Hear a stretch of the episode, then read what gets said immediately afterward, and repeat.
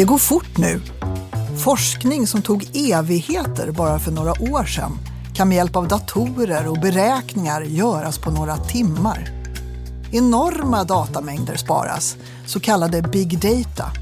Och för att analysera dem använder man avancerade algoritmer, AI, artificiell intelligens och maskininlärning.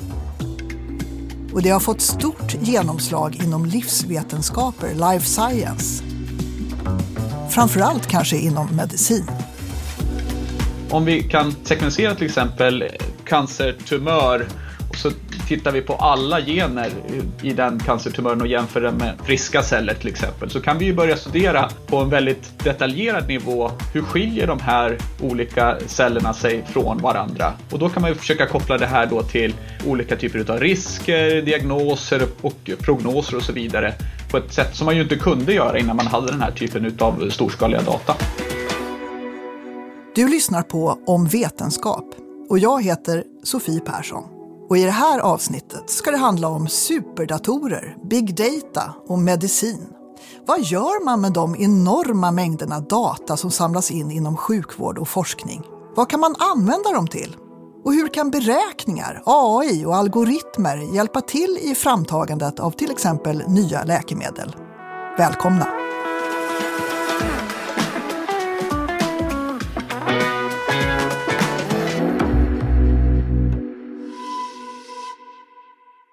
Ja, med hjälp av storskalig data, så kallad big data, och superdatorer har man gjort enorma framsteg inom hälso och medicinområdet. Och sannolikt har vi bara sett början ännu. Ett exempel på big data-analys är de DNA-sekvenseringsmaskiner som blivit av betydelse för att kartlägga det mänskliga genomet, människans DNA. Med ny effektiv teknik har kostnaden för att avläsa en människas genom stadigt sjunkit under senare år. När tekniken först utvecklades tog det 13 år att ta fram det första mänskliga genomet och kostnaden var nära 30 miljarder kronor. Bara några år senare, i början av 2000-talet, möjliggjorde ny teknik detsamma på bara fyra månader med en kostnad på ungefär 15 miljoner kronor. Och idag är det möjligt att sekvensera ett helt mänskligt genom på knappt en dag för ungefär 10 000 kronor.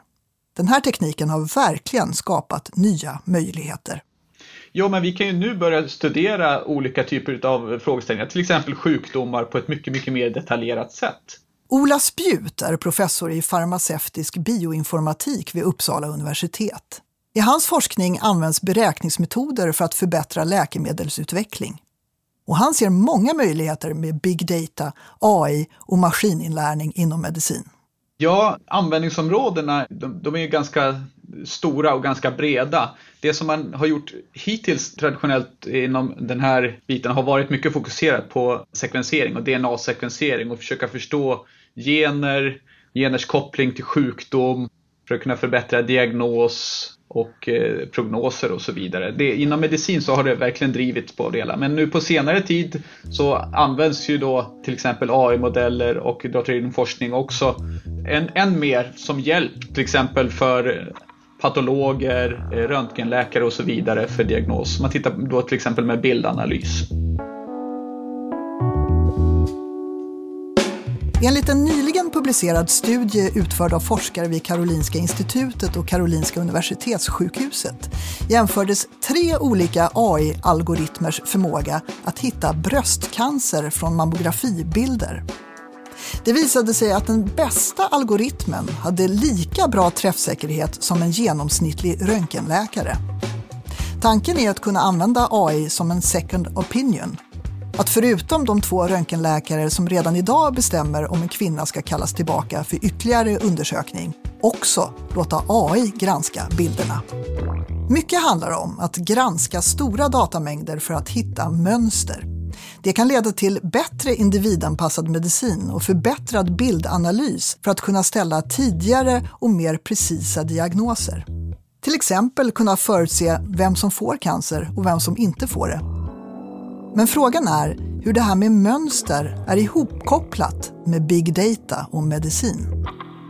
Ja, det är väldigt starkt ihopkopplat. För det som man då får från det här, ofta, säg att vi analyserar några prover, det är ju att vi får stora datamängder för de här proverna och det här behöver man ju ofta då eh, stora datorer för att analysera.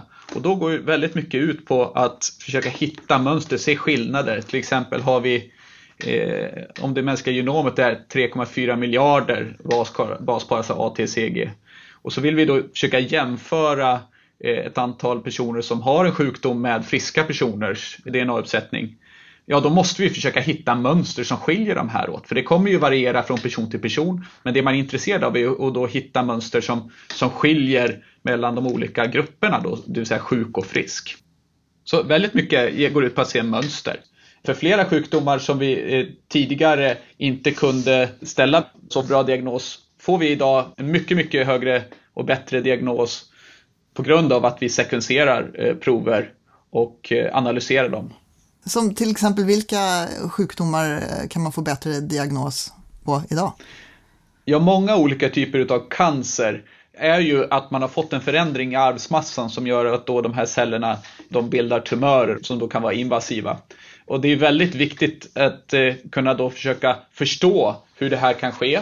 Och eh, om man också då hittar intressanta eh, regioner på genomet, på DNA som då bidrar till det här, ja då kan man också ställa en bättre diagnos. Man kanske kan gruppera patienter i högrisk, lågrisk och också då anpassa eh, medicinering och andra olika behandlingar på grund av detta.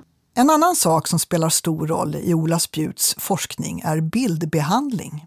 Det här är ett samarbetsprojekt eh, mellan eh, ett par forskargrupper och eh, olika företag bland annat AstraZeneca och Vironova.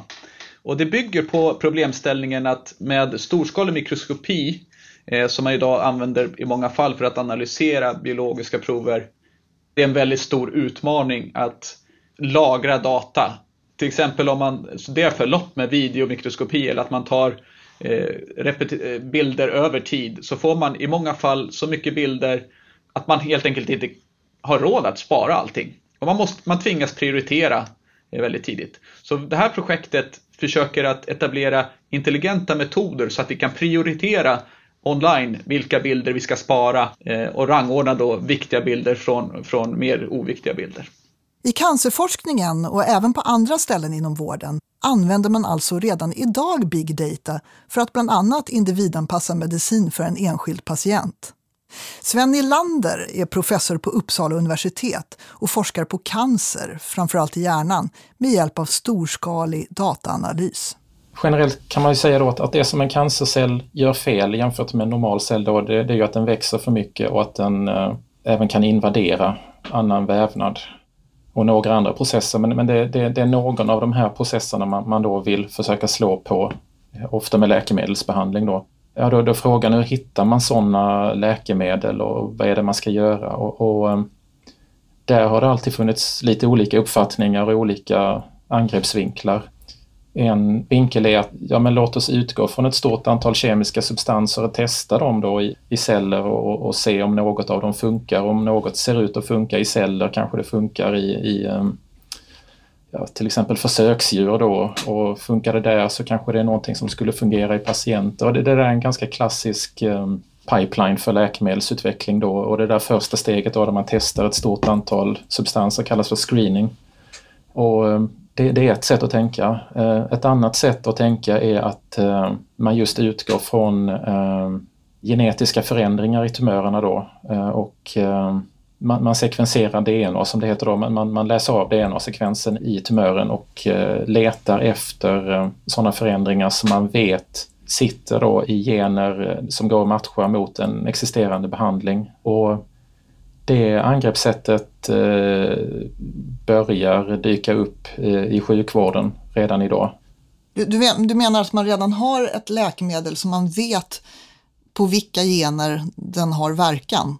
Och då letar du efter de generna? I... Ja, det, ja, precis. Alltså det, det, vad, vad arvsmassa då, generna, det, det är ungefär 3 miljarder bokstäver och utspritt i de där 3 miljarder bokstäverna så sitter det ungefär eh, grovt räknat 25 000 gener då. Och av de 25 000 generna så kanske det är ungefär eh, 300 eller så då som är eh, återkommande muterade i eh, cancer i människa då.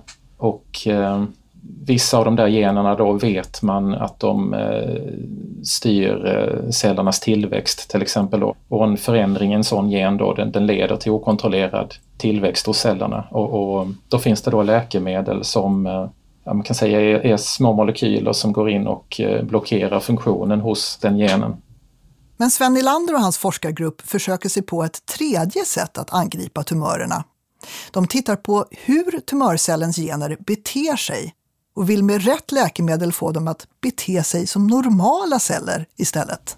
Utöver att man kan använda de här eh, klassiska läkemedlen då som har studerats mycket under 20 års tid eh, som slår mot just de genetiska förändringarna så kan man eh, använda datorer då för att leta lite bredare för att hitta läkemedel som matchar just de eh, genaktivitetsnivåerna eller de funktionella förändringarna i cellerna. Och man kanske kan likna det lite grann vid att om du känner någon som har eh, någon märklig eh, extrem politisk åsikt till exempel, försöker du övertala den personen med, med rationella argument, kanske skulle kunna vara en, en liknelse. Man liksom försöker hitta läkemedel som får tumörcellerna att tona ner sina extrema egenskaper.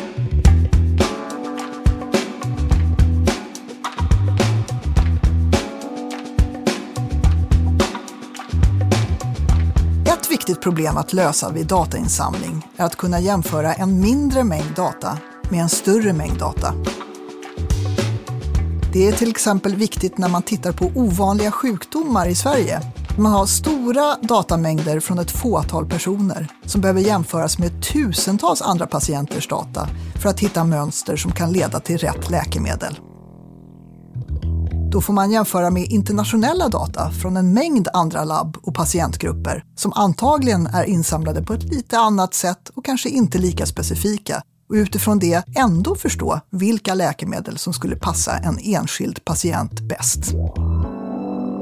Det man gör eh, generellt är att eh, försöka förenkla sjukdomarna då genom att eh, Istället för att studera patienter så studerar man eh, så kallade försöksmodeller. Då. Alltså man, man odlar celler från tumörer, man har olika djurmodeller för cancer och liknande. Och eh, det har visat sig att eh, det är svårt att översätta resultat mellan de här modellerna. Bara för att en cancerbehandling fungerar i celler kanske den inte fungerar i djur.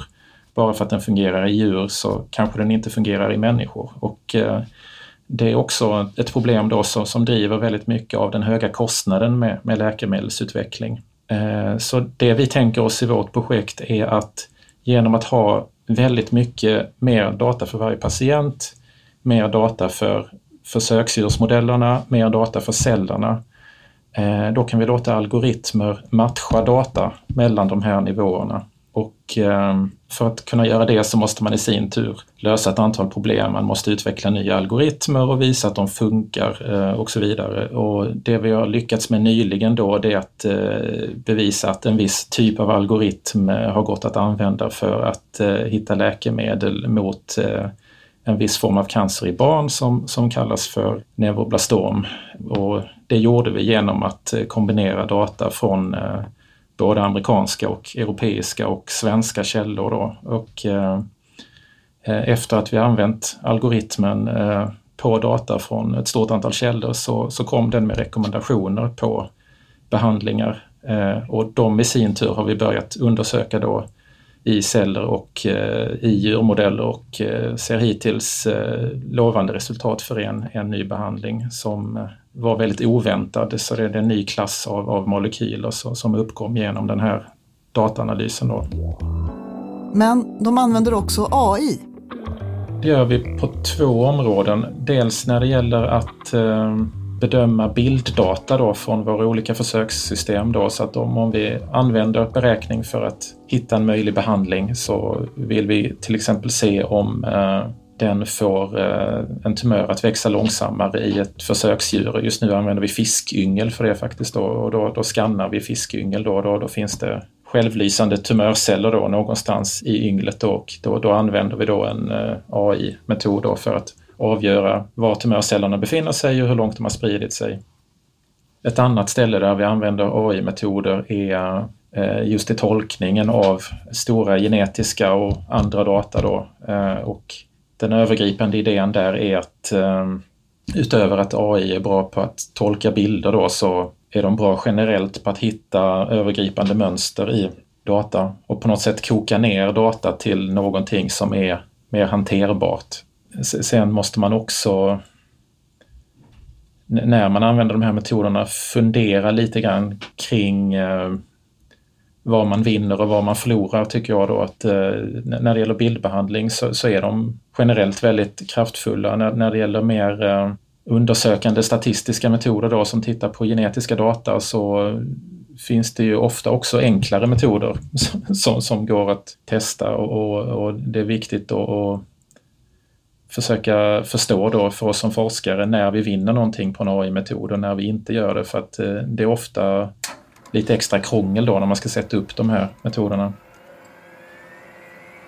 För att göra alla de här beräkningarna, lagra de här enorma datamängderna och kanske till och med använda sig av AI och maskininlärning så behövs kraftfulla datorer. Ofta till och med så kallade superdatorer. Men vad är då det? Ja, en superdator, man tänker sig ofta det som att det är en väldigt stor dator. Och traditionellt så har en superdator varit också att man har byggt specifika datorer som har varit väldigt snabba. Nu för tiden så brukar man väl prata om superdatorer som också som högpresterande datorer och kluster. Och eh, de flesta superdatorer idag är kluster, det vill säga de består av en väldans massa processorer som man kopplar väldigt tätt ihop i system. Väldigt snabba nätverk, man kan ha delat minne och så vidare. Så en större superdator har, har fler sådana här processorkärnor, eller cores som man säger. I Sverige finns det flera superdatorer. Den snabbaste heter Berzelius och finns i Linköping. Men den har en bit kvar till världens snabbaste dator som är Fugaku i Japan. Berzelius har ungefär 60 000 cores, processorkärnor, medan Fugaku har 7,6 miljoner. Frågan är hur länge den japanska datorn är den snabbaste i världen. Det är lite svårt att säga för att det är en liten tävling mellan olika länder och eh, olika världsdelar ibland för att göra det hela. Men den är ju mer än dubbelt så snabb som eh, nummer två. Som ligger i USA.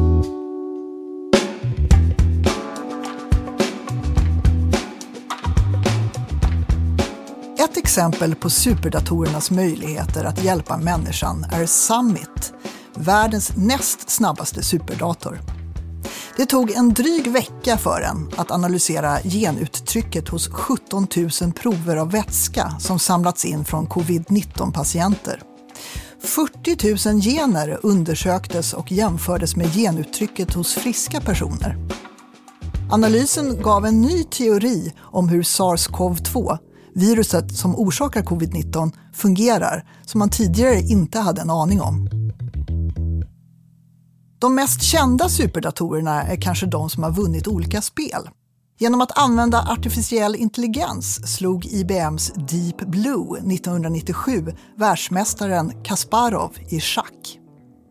Nästa dator från IBM fokuserade mindre på logik och mer på språk och superdatorn Watson kom till. Efter att ha utklassat sina mänskliga medtävlare i Jeopardy 2011 har datorn utvecklat sina egenskaper inom en mängd områden, nu också inom medicin. Watson kan läsa in 800 miljoner sidor i sekunden och utvärdera tusentals journaler och forskningsrapporter i minuten. Tanken är att datorn ska ge behandlingsrekommendationer, men att det fortfarande är läkaren som ställer diagnos.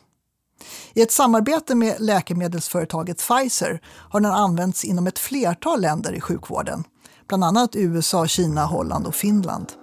Och kanske kommer den även till Sverige. Samtal med regioner har förts, men beslut har skjutits upp eftersom man ansett att bedömningarna från Watson än så länge varit ofullständiga. Och snart kommer en ny typ av dator, kvantdatorn.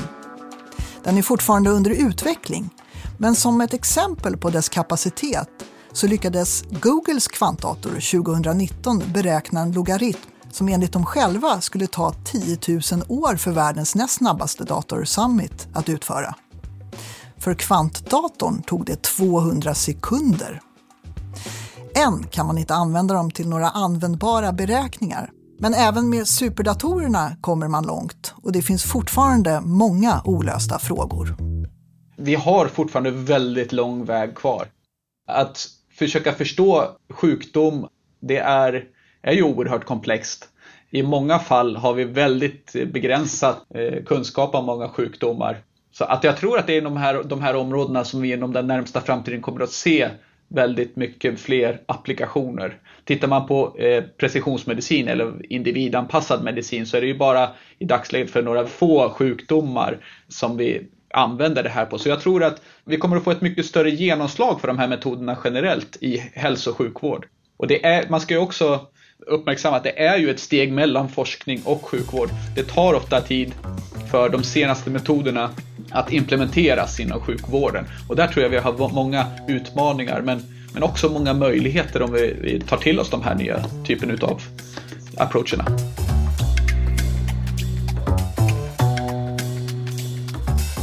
Om vetenskap är slut för den här gången.